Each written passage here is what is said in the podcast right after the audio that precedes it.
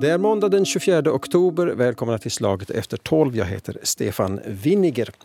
Eh, vissa saker känner jag mig ibland att jag är glad för att inte jag måste sköta som till exempel inte den gemensamma europeiska energipolitiken eller utrikespolitiken just nu. Den är spretig och vi vill en sak men många krafter drar, drar åt olika håll. Och hur det går just nu ska vi tala om här i Slaget efter 12 med Teija Tiilikainen. Välkommen till Slaget efter 12. Tack så mycket. Du är eh, direktör för eh, Hybridcentret, arbetar med hybrida hot. Välkommen. Tack.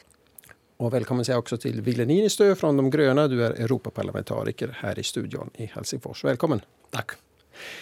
Ja, hörni, det var en, en, ett toppmöte förra veckan där vi och vi i Europa bestämt oss för att nu ta ett tydligt grepp om den här energipolitiken. Får jag bara börja i den här änden och säga att har den här krisen visat något så är det väl att vårat eventuella vår eventuella väg att bli fossilfria inte har kommit så långt. Eller vad säger du, Wille Niinistö? No, visst har det visat att vårt beroende av Ryssland och andra fossila makter har varit större än många har anat. Och också vi har gjort politiska fel genom Nord Stream och Fennovoima Rosatom-beslut, så det har liksom drivits en politik i medlemsländerna särskilt, där man har inte tänkt på energi, äh, självförsörjande och oberoendet från Ryssland. Bryssel har jobbat på energiunionen på ett tag, men medlemsländerna, till och med Tyskland, har inte brytt sig om det så mycket. Eh, men det som ändå har varit positivt under det här året så oavsett att man har inte kunnat stoppa allt eh, eh, import av, av ryska fossila bränslen till Europa så gemenskapen har varit större än jag anade i förväg när det handlar om de här nya energibesluten. Och det finns en majoritet för att öka takten på att, att satsa mer på energieffektiviseringen, energibesparingar också det här vintret och sen, sen äh, äh, förnybara energikällor för att bli av med fossila bränslen. Så, så det finns mer gemenskap än, än förra året. Mm. Håller du med Teija Tiilikainen? Jag håller med nog. Det har varit ett, ett långt år eh, på det viset att eh, det är många EU-länder som har, har avsevärt fått liksom, eh, gå igenom eh, inte bara Rysslandspolitiken utan energipolitiken. Mm. Och eh, också den här eh, kopplingen mellan, mellan förhållandet till Ryssland och energi har, har liksom, man, man, man har borde om, omvärdera många saker. Och det, året har varit långt, och, och, och, och, eh, men att vi är inte riktigt... Eh, jag hoppas att, att den här unionens liksom, eh, kohesion och sammanhållning, att man inte glöm, glömmer det. Att det också, att ju mer det finns, finns klyftor så, ju mer, så, så desto mer finns det också sårbarheter i EU, EU-systemet. Att, att den här externa sammanhållningen är en styrka för EU i, i den här eh, förfärliga säkerhetspolitiska situationen i Europa. Mm. Och den här enigheten utåt den, den ställs ju nu på prov. Mm. På riktigt. Det har, med, med, med energibehovet i somras var det ganska lätt ännu att säga jo, jo, det här klarar vi. Men nu vet vi att det kommer en vinter och det är det som också Ryssland delvis spekulerar i. Och vissa länder är ju, kommer att klara det här bättre än andra. Eh, så vi ska fundera kring den här sammanhållningen just nu kommer vi att kunna hålla ihop och hålla eh, ihop en enad linje i frågan om Ukraina under vintern också. Eh, vad heter det? Du sa att du var liksom överraskad lite grann över hur, i, i, eh, hur stark enigheten ändå var, Ville Niinistö. När det gäller energifrågan, mm. är du också överraskad över den här politiska, ut, utrikespolitiska sammanhållningen? Har den varit större än vad du trodde? Ja, den här överenskommelsen om att vi har kunnat göra om vår energipolitik under det här året har äh, härstammat från, från en enhet i utrikespolitik och, och, och relativt till, till att, att, EU har stöttat Ukraina. Äh, jag tycker att faktiskt att i februari så var det väldigt nära att vi hade fått ett helt annat eh, globalt och internationellt läge om Ryssland hade lyckats under de första tre dagarna ta Kiev, Kiev vilket var relativt nära ändå. De hade sina, sina uh, trupper eh, ta över en viktig flygfält nära Kiev. Om de hade lyckats där så hade de kanske kunnat ta, ta Ukraina. Och jag kommer ihåg de första dagarna jag själv eh, aktivt pratade då redan för att vi måste eh, stödja Ukraina och det här måste inse nu, vi måste nu inse att vi måste stoppa Putin. Men det fanns många som väntade på att hur det går, mm. att hur, det, hur det kommer att lösa sig ut och ville vänta på sidan. Så vi måste tacka Zelensky och Ukraina också, att de var så tuffa så det väckte upp hela Europa för att försvara demokratin.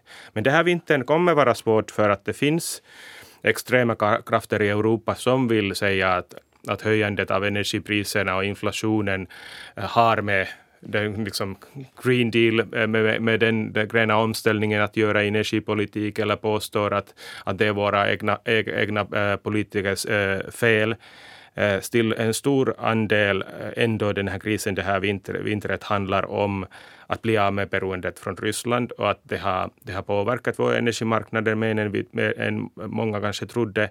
Men samtidigt, eh, nu med de här åtgärderna som har gjorts under senaste månaden i EU-nivån, mm. gemensamma köp av, av gas, den här dynamisk pris Eh, nivå för att hur mycket man kan få inkomster för, för energiproduktion, att man, man minskar de vinsterna som man får där. Så det har faktiskt eh, redan fått ner eh, gaspriset i spotmarknaden till, till hälften av vad det var i september. Så det kan vara att vi klarar av det här vintret, men problemet är att det finns inte tillräckligt med LNG-gas och andra sorters av gas, fossilgas på marknaden. Så energibesparingar är det viktigaste vi kan fortfarande göra för att se till att vi klarar av det här vintret. Men om vi inte gör det så kan den här politiska ostabiliteten i Europa igen sen påverka att vårt gemenskap i utrikespolitik blir sämre. Mm. Man kan titta på Italien, det finns uh, frågetecken på hur deras nya rätt så höger, nästan extremt höger mm. eh, regeringen kommer att klara sig. Mm. De har visat i början eh, stöd för vår Ukraina-politik, men man, man vet inte hur länge det håller. Mm. Men du tror ändå att just den här energipolitiken är att, att hålla ihop den kommer att vara avgörande. Ja, för mig, jag gör energipolitik för de gröna i Europaparlamentet, men jag också har en bakgrund med att, att, uh, att ha studerat och forskat lite utrikespolitik och, och, och Rysslands relationer länge sedan, så jag funderar på, på det här från båda håll. Men jag tycker att, att det är nyckeln att vi klarar det här energiläget, att det finns, finns inte inre ostabilitet i Europa. Om det börjar komma sådant, så då kan Putin uh, försöka dela oss. Mm. Det är just det här som jag oroar eh, mig över. Just de här inrikespolitiska inre, inre klyftorna och motsättningarna och konfrontation i, i EU-länder på grund av den här vintern och den här energikrisen. Eh, det, kom, det, det, kommer att vara en sån här sårbarhet som Putin säkert kommer att uh, utnyttja uh, ifall det finns ökat missnöje, kritik av den egna regeringen. Och, och det, det finns stort potential för det i många, många länder. Vi vet ju inte att hur, hur de här länderna klarar sig med energisäkerheten, eh, inflationen, eh, den ekonomiska eh, situationen i, i många länder. Men det har, det, har, det har faktiskt på många sätt ett, en ny situation för, för den Europeiska unionen också. För att det var ju ursprungligen en fredsprocess som, mm -hmm. som uh, hade med intern säkerhet att göra. Att, att, att, att uh, göra slut på, på krig mellan dess medlemsländer. Och nu har det mitt i allt blivit en, en, en geopolitisk ak aktör på den europeiska kartan och, och, och har mycket svårt att hantera förhållandet med, med, med Ryssland som, mm. som också liksom ser unionen som en tydlig geopolitisk enhet. Så, det har, så många saker har liksom ändrats här under, inte bara på grund av kriget utan, utan under den här aggressiva utrikes och, utrikespolitiken under Putin-regimen. Men på sätt och vis har vi också gått tillbaka till grunden av varför EU bildades. Vi ville eh, försvara fred i Europa. Det var först och främst mellan oss, men nu är det också en möjlighet att i EUs gemenskap att vi håller ihop, eh, håller upp stabiliteten för demokratin och, och fred i, eh, också utanför våra medlemsländer. Det vill säga om vi nu kan Eh, stödja Ukraina så att, att Ryssland måste till slut ge upp sitt anfall så försvarar det också det internationella eh, systemet på ett sätt som, som minskar riskerna för auktoritära makter att, att utnyttja läget eh, framöver. Det finns risker med Kina till exempel, inte bara med Ryssland. Mm. Men det här, inte det här, om ni vänder mig till Teija Tiilikainen här, med den här hybrida påverkan. Just det här att via energi, ett beroende av Ryssland, via hot, politiska hot, via militära hot, via överhuvudtaget som Ryssland länge hållit på med, alltså att där Ryssland har kunnat att vilja splittra EU-länderna, alltså inte velat tala med EU utan vill tala med Frankrike, Italien och alla möjliga, Storbritannien så länge det var med och så vidare. För, för att så säga, inte på alla sätt, det är ju ett tecken på en hybrid sammanhållen så att säga, politik mot Europa. Är den det här vi sitter ju ändå här och pratar om det här och det, vi är oroliga för det här så det, det, är ändå något som Ryssland har kommit ganska långt med väl? Ja, det har varit väldigt, eh, det har lyckats väl med just med den här verktygslådan kan man säga. Alltså det är den, eh, eh, Putins avsikt är att, att försvaga väst och den Europeiska unionen förstås som en del av väst.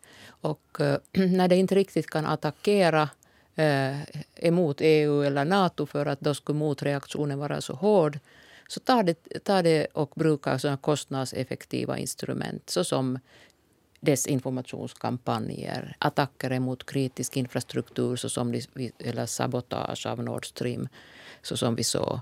Eh, det, det kanske visar makt, eh, militära instrument utan att i, i, typ, i, i, form av krigsövningar till exempel vid, och, och, ökar instabilitet nära unionens gränser. Eller sen skickar in eh, flyktingar som, som de har liksom transporterat någonstans, någonstans ifrån för att eh, igen eh, försvaga mm. gränssäkerheten. Så det här är så här, så här, det här bruket av hybridhotinstrument är väldigt effektivt för Ryssland för att då, då har vi som mottagarländer eller mål, målländer av, av den här verksamheten har det svårare att, att reagera. Det är lite, det, det är lite oklart och otydligt varifrån det kommer. Eh, vi, vi är ett samhälle, vi kan inte börja liksom uh,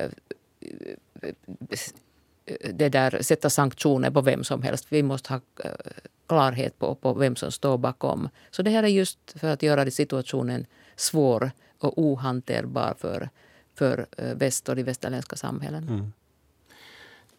Ja, det, det, vi måste inse att vi har varit i Finland, särskilt i politik, väl över tio år ganska naiva för att Ryssland har använt den här super liksom anfallsmängden, skalan länge. Och det har påverkat just det att det har försökt eh, få vara en sån känsla för oss själva, internt inom Europa men också globalt, att demokratin är svag, vi kan inte fatta för svåra beslut och, och, och diktaturer och Putin, att han, han, han har mycket makt och, och makten kommer via geopolitiskt, energipolitiskt och, och, och krigsmaskinens eh, inflytande. Och han har lyckats med det ganska länge för, för vi har inte eh, regelbundet försökt eh, skapa det här oberoende och jobba emot det. Att vi har tagit det för givet att, att vi klarar oss ändå. Att, att vissa har kanske skrattat lite om Putins det här uh, men samtidigt har han kommit väldigt långt i att hur mycket han har kunnat påverka oss. Det som vi måste inse nu också, och många börjar nu inse det, är ju bra att vi är bättre på, på att försvara oss mot de här superanfall nu. Men att för Ryssland och en kille som, som Putin som kommer från KGB, eh, det finns 50 färger mellan, mellan krigs och fred. Så det är inte som att krigsdeklarationen mm. eh, liksom, eh, är det som kriget börjar med. Även i Ukraina, de kallar det inte krig, de kallar det fortfarande specialoperation. Så att, att liksom hans sätt att, att hantera utrikespolitik använder krigsbrott, olagligheter och olika sorters kriminalitet och terrorism regelbundet. Mm. Och, och då måste vi inse att demokratierna måste vara mycket tuffare mot en sån makt som inte spelar med samma spelregler som vi. Så att, att, att, att nu finns ingen möjlighet att försöka milda eh, konflikten i Ukraina. Putin måste stoppas. Han förstår inte inget, inget annat språk. Mm. Och, eh, och det här eh, Alltså, det håller oss hela tiden i ett tillstånd där vi inte riktigt vet i vilken grad av konflikt vi är med Ryssland. Och det vill han också. Och det, det han ja. ja. Mm. Och, och, har vi, och det här du säger att vi har liksom inte varit, vi har inte sett det, att, att det ger oss möjligheter. Vissa kan vi får en inre diskussion här i, i mm. våra länder här att vissa tycker att vi ska inte blanda oss i och andra tycker att vi borde blanda oss i mer så att vi blir så upptagna med jobbiga processer. Och det hör också till Såklart. Eller hur? Ja, det ska göras så jobbigt som möjligt för oss att, att stödja Ukraina och det ska uh, insinueras att, att uh, västerländernas stöd ska höja risken för till exempel att han använder kärnvapen. Mm. Att, att, att Putin använder mycket sånt retorik och Ryssland använder mycket sånt retorik som försöker uh, få oss vara passiva. Och det är det som han också vill, att vi är passiva och lite, lite i en sån här eh, läge där vi inte vad som, vet vad som händer och då får han mer utrymme för, för hans uh, olagliga gärningar. Och, och, därför tycker jag att det är helt enkelt, eh, som grön politiker, det är lite, politiker, det är lite kanske, folk är inte vana vid att, att jag är den som säger tuffa saker, men det, för att försvara demokratin och det internationella systemet måste man vara nu tuff. Det finns ingen möjlighet eh, att, en annan möjlighet att isolera eh, Ryssland både ekonomiskt och, och eh, på andra möjliga medel så mycket som möjligt och försvara, försvara och stödja Ukraina så mycket som möjligt att, att så länge som Putin är i makt och, mm. och liknande regering är i makt i Ryssland. Tyvärr är det så. Och nu har vi också Xi inne i den tredje, tredje, tredje perioden. Och det är ju så med de här... I Kina. Mm. I Kina. Ja. Det är ju så för de här auktoritära eh, ledningarna, ledningarna eller re, regimen att eh, eh, de måste, hitta, de måste liksom hitta den där fiendebilden för att ta vara på den interna liksom, e, enigheten. Mm. Och det finns en massa inre problem och, och, och, det där auktoritära systemet är ju ett problem också. Men att för att för att kunna legitimera det och det ena styret eh, då måste man hitta den eh, externa fiendebilden och, och faktiskt, som Ville sa, eh, se, se demokratin och den demokratiska, den demokratiska styrelseformen att se ineffektivt ut. Mm. Så att, att, att det här som Putin gör i Ukraina har också inrikespolitiska rötter eller att, att, att, att han, regime, regimets överlevnad behöver det. Mm. Och det, det, det, det är också som gör den här saken så väldigt komplicerad och, och också obehaglig. Att då får andra lida för mm. att, för att det, det egna regimet skulle kunna eh, överleva inte det här bra för Rysslands mm. folk heller och det finns tydliga tecken på att en majoritet i Ryssland kanske hellre eh, vill att riket ska stoppas, men det finns ingen medel där att motarbeta när det är så strikt kontroll och det finns ingen uh, fungerande opposition. Och man vet att om, om någon uh, opinionsundersökning uh, görs så man vet hur man borde svara. Mm. Så att, det liksom, att Ryssland är i ett läge där vanliga medborgare i Ryssland har väldigt lite möjligheter att motagera Putin. Och det gör det att, att, att då måste vi helt enkelt stoppa Putin och, och Ryssland måste gå igenom en, en någon sorts uh, nedgång för att sen kunna skapa sig igen uh, eh, på ett mer stabilt och mer demokratiskt bas. Mm.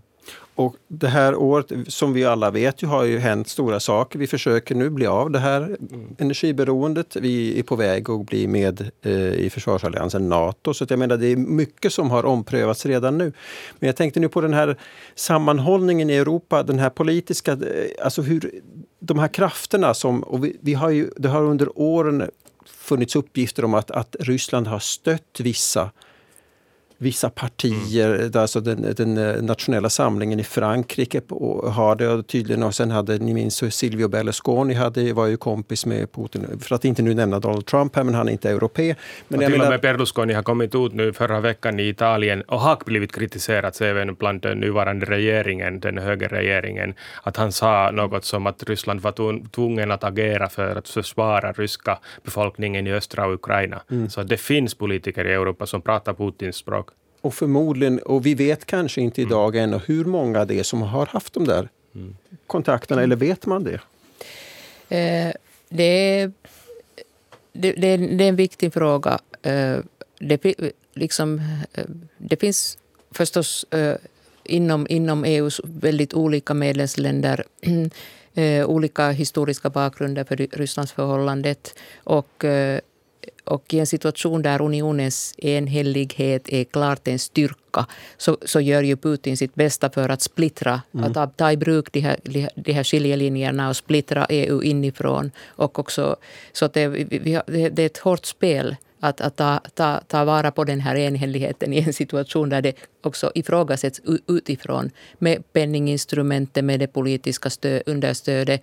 Eh, att, att det är ju förvånansväckande när man tittar på opinionsundersökningar i Slovakien till exempel hur en, en majoritet av befolkningen liksom delar och stöder den här, det, här, den här, det här ryska narrativet. Det är att Ryssland har rätt eh, mm. på sin sida när det för eh, krig emot Ukraina. Att hur, kommer det, hur kommer det sig? Hur, hur är det överhuvudtaget möjligt? Men att, eh, men att, har, du, har du en förklaring till det? Det har med historiska bakgrunder att göra och det väldigt lyckade långvariga disinformationskampanjen. Som, ja. så att det, det är kanske den mest, den mest lyckade delen av den här, det här kriget. Den här strategiskt planerade disinformationskampanjen, hur han började skylla på Ukraina för, för nazi, nazi, nazifiering, hur han skyllde på, uh, på Ukraina för ett folkmord av den ryska minoriteten i Ukraina. Och också för det att hur Ukraina fungerar som, som, en, som ett instrument för, för Nato och, och USA som, som uh, uh, försvagar Rysslands säkerhet. Tyvärr, och, ja. ja. ja. Mm. Det, tyvärr finns det både på, lite, kan man säga, lite på extremkanten, både på höger och vänstersidan, olika skäl uh, för att, uh, att, att Putins narrativ uh, går framåt. Och det har lite med det att göra att, att i Europa till exempel Italien, särskilt eh, vänstersidan i politiken, var länge kritisk mot USAs inflytande i världen, USAs imperialism, hur de påverkar Italien, hur Marshallhjälp även på 40-50-talet hade, hade liksom bindande krav på att vad måste göras. Så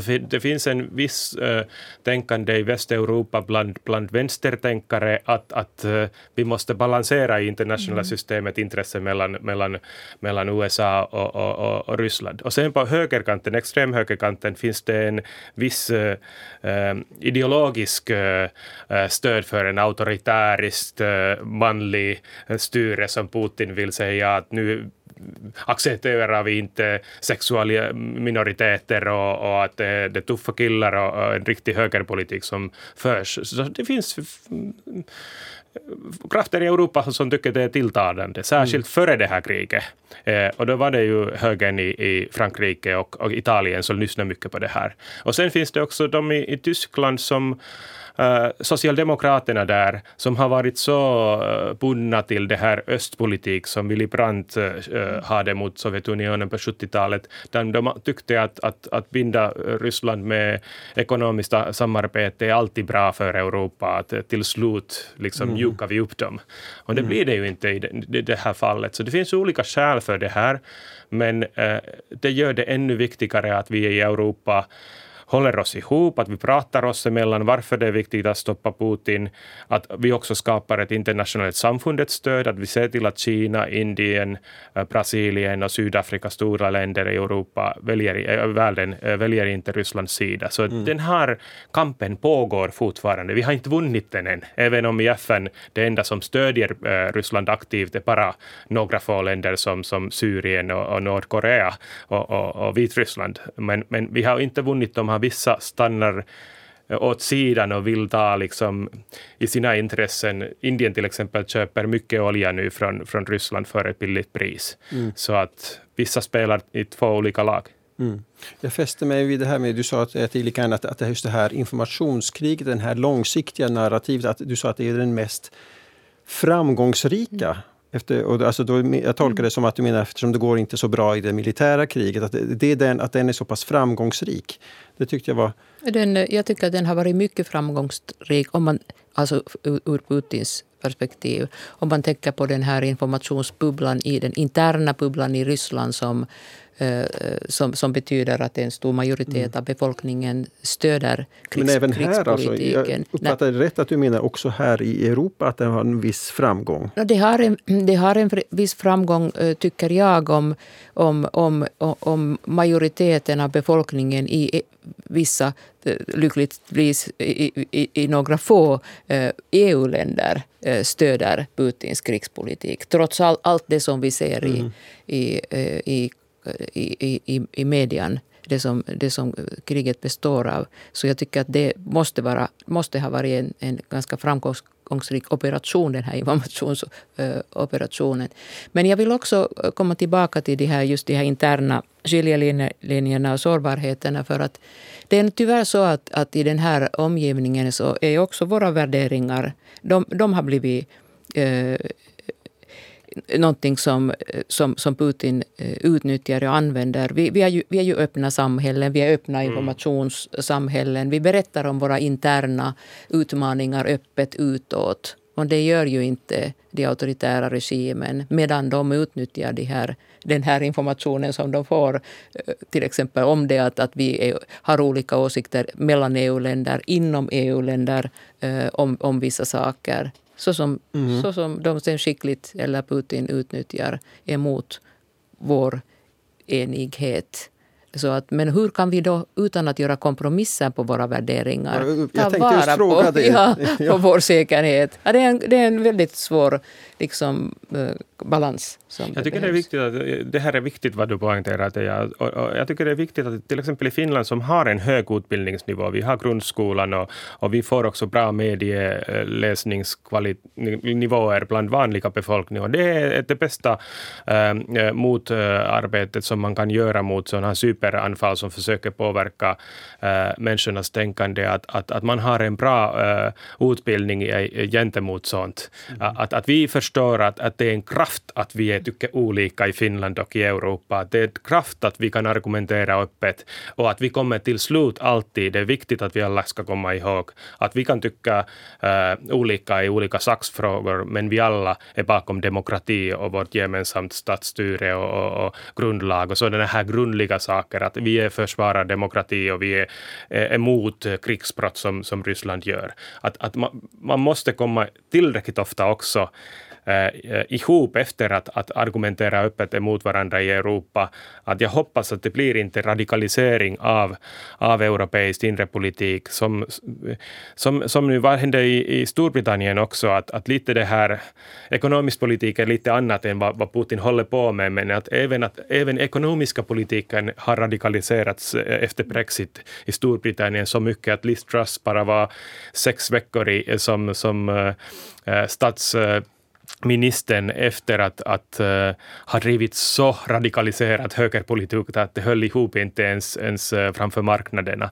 Och, och det är på sätt och vis den här radikaliseringen av också någonting som Putin har försökt skapa för oss. Att mm. Brexit också var någonting som Putin tryckte hårt på och använde mycket pengar på att stödja trollerna som stödde Brexit.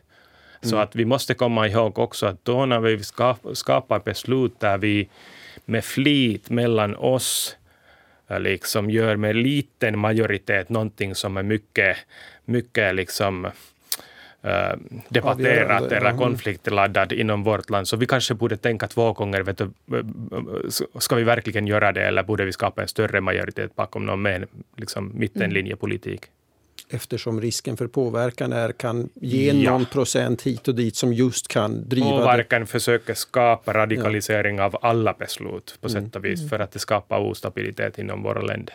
Men alla de här relationerna då, de här via pengar till vissa mm. partier och alla, vad, sku, vad skulle ni säga, alltså hur, hur vi, kan, man kan ju förstå, det var en allmän tid när vi tyckte det är rätt att lägga gasledningar i Östersjön och köpa gas från Ryssland. Och, jag menar, vi hade en president i USA som inte heller kändes mm. så stabil alltid. Så att man, man, kan förstå att under en viss period, men har det där, du var inne på det Willy Niinistö, att det har upphört nu? Jag tycker det är en styrka att vi öppet också är självkritiska och, och jag tycker om att, att Alexander Stubbs till exempel kom ut och sa vilka fel han har gjort. Att, att också i Finland, ja. det som kallas finlandiseringens uh, Eh, tradition, att det måste öppet hanteras. Jag tycker inte att vi ska säga någon person är en syndabock, det är deras fel, att det är Paavo Lipponens fel att vi var så här. Men att om vi alla kan också gå igenom de där äh, misstag öppet så förstärker det oss och vi inser också att, att, att, att hur viktigt det är att vi äh, har bättre risk äh, förebyggande politik när det handlar om uh, Ryssland framöver. Mm. Så att, att um, jag tycker det är en styrka i demokrati att kunna gå över sådana saker öppet. Och att Men, göra de här förbindelserna synliga. Att om ja. det finns peng, pe, penning eh, stöd eller, eller något, något annat, politi, annat politiskt stöd till extremistpartier eller till vem som helst. Så att göra dem synliga och, och, och transparent, att, vara, att, att göra samhället transparent. Mm. Så, så jag tror att det är också att, att använda, an, använda faktiskt de, de här våra styrkor, så som du säger Ville, mm. eh, i, i, i det här sambandet. Men vet vi om det pågår ännu eller har det, vet vi om det har liksom slutat? Det är, det, svår, det är väldigt svårt att säga. Det är inte. politiskt känsligt så att, att, och det kan ju så att de är, kanske de här partierna inte längre så villiga att öppet erkänna att de har fått stöd eller att de får stöd. Ja. Det kan också ta former som inte, inte, inte kanske gör det synliga. Jag vet att i Frankrike hade en, hade en stor diskussion om att hur mycket Ryssland har påverkat politik och det finns försök att gå igenom de här pen, penningsöverföringar. Extremhögern där försöker säga tydligt, eh, den här nationella fronten, att vi hade inte tagit emot pengar från Putin, men, men det finns ganska tydliga tecken att de har gjort det.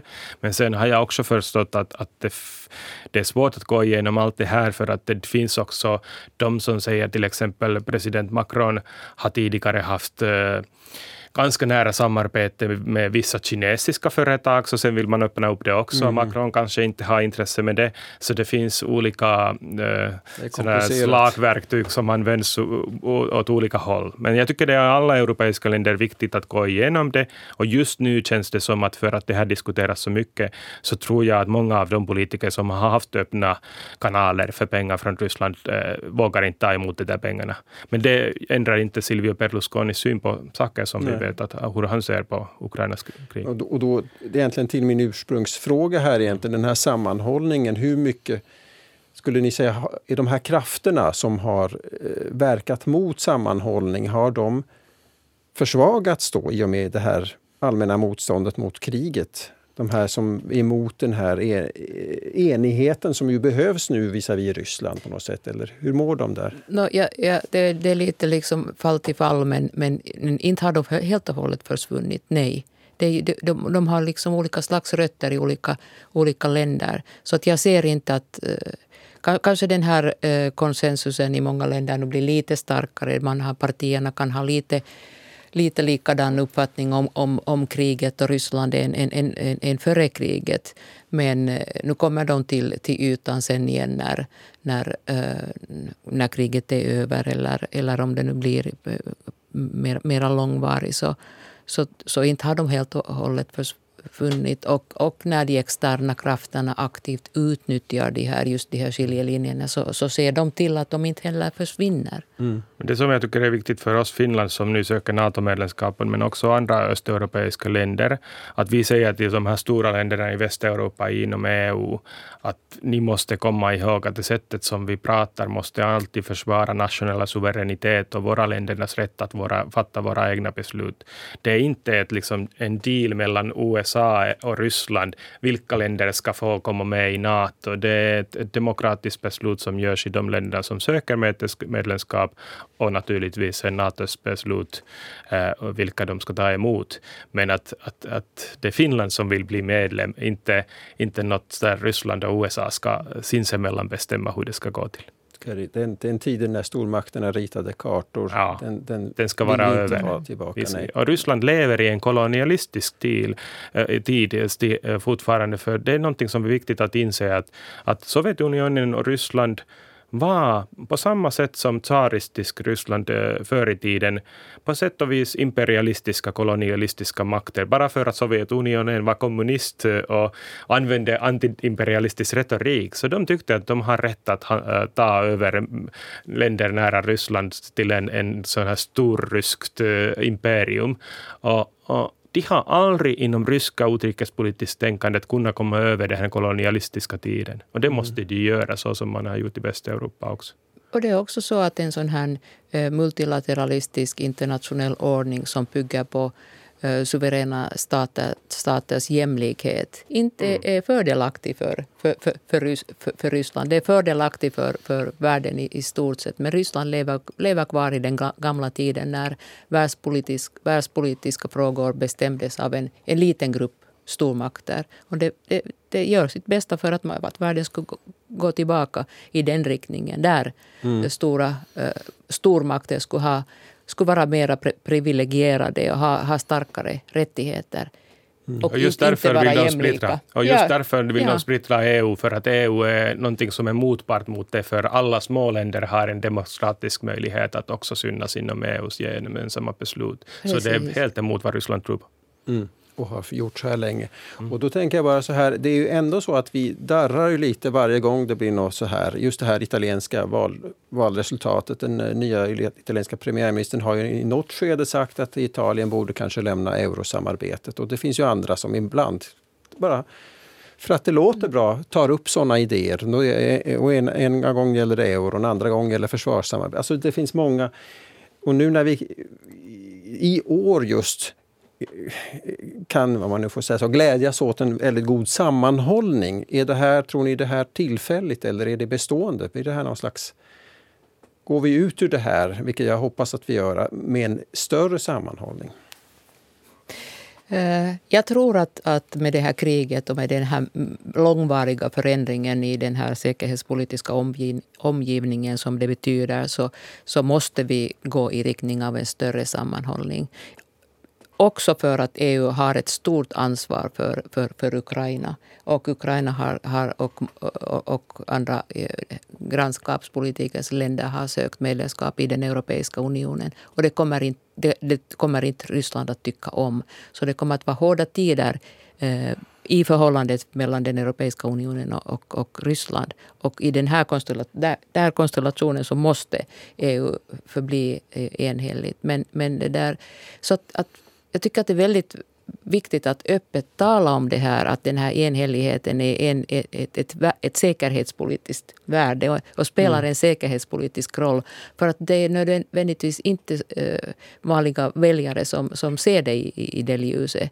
Uh, och, och, ser att, att de här interna splittringar, splittringar kan, kan, kan försvaga EU och EUs möjligheter att, att driva en, en Eh, framgångsrik utrikespolitik i den här omgiv omgivningen. Mm.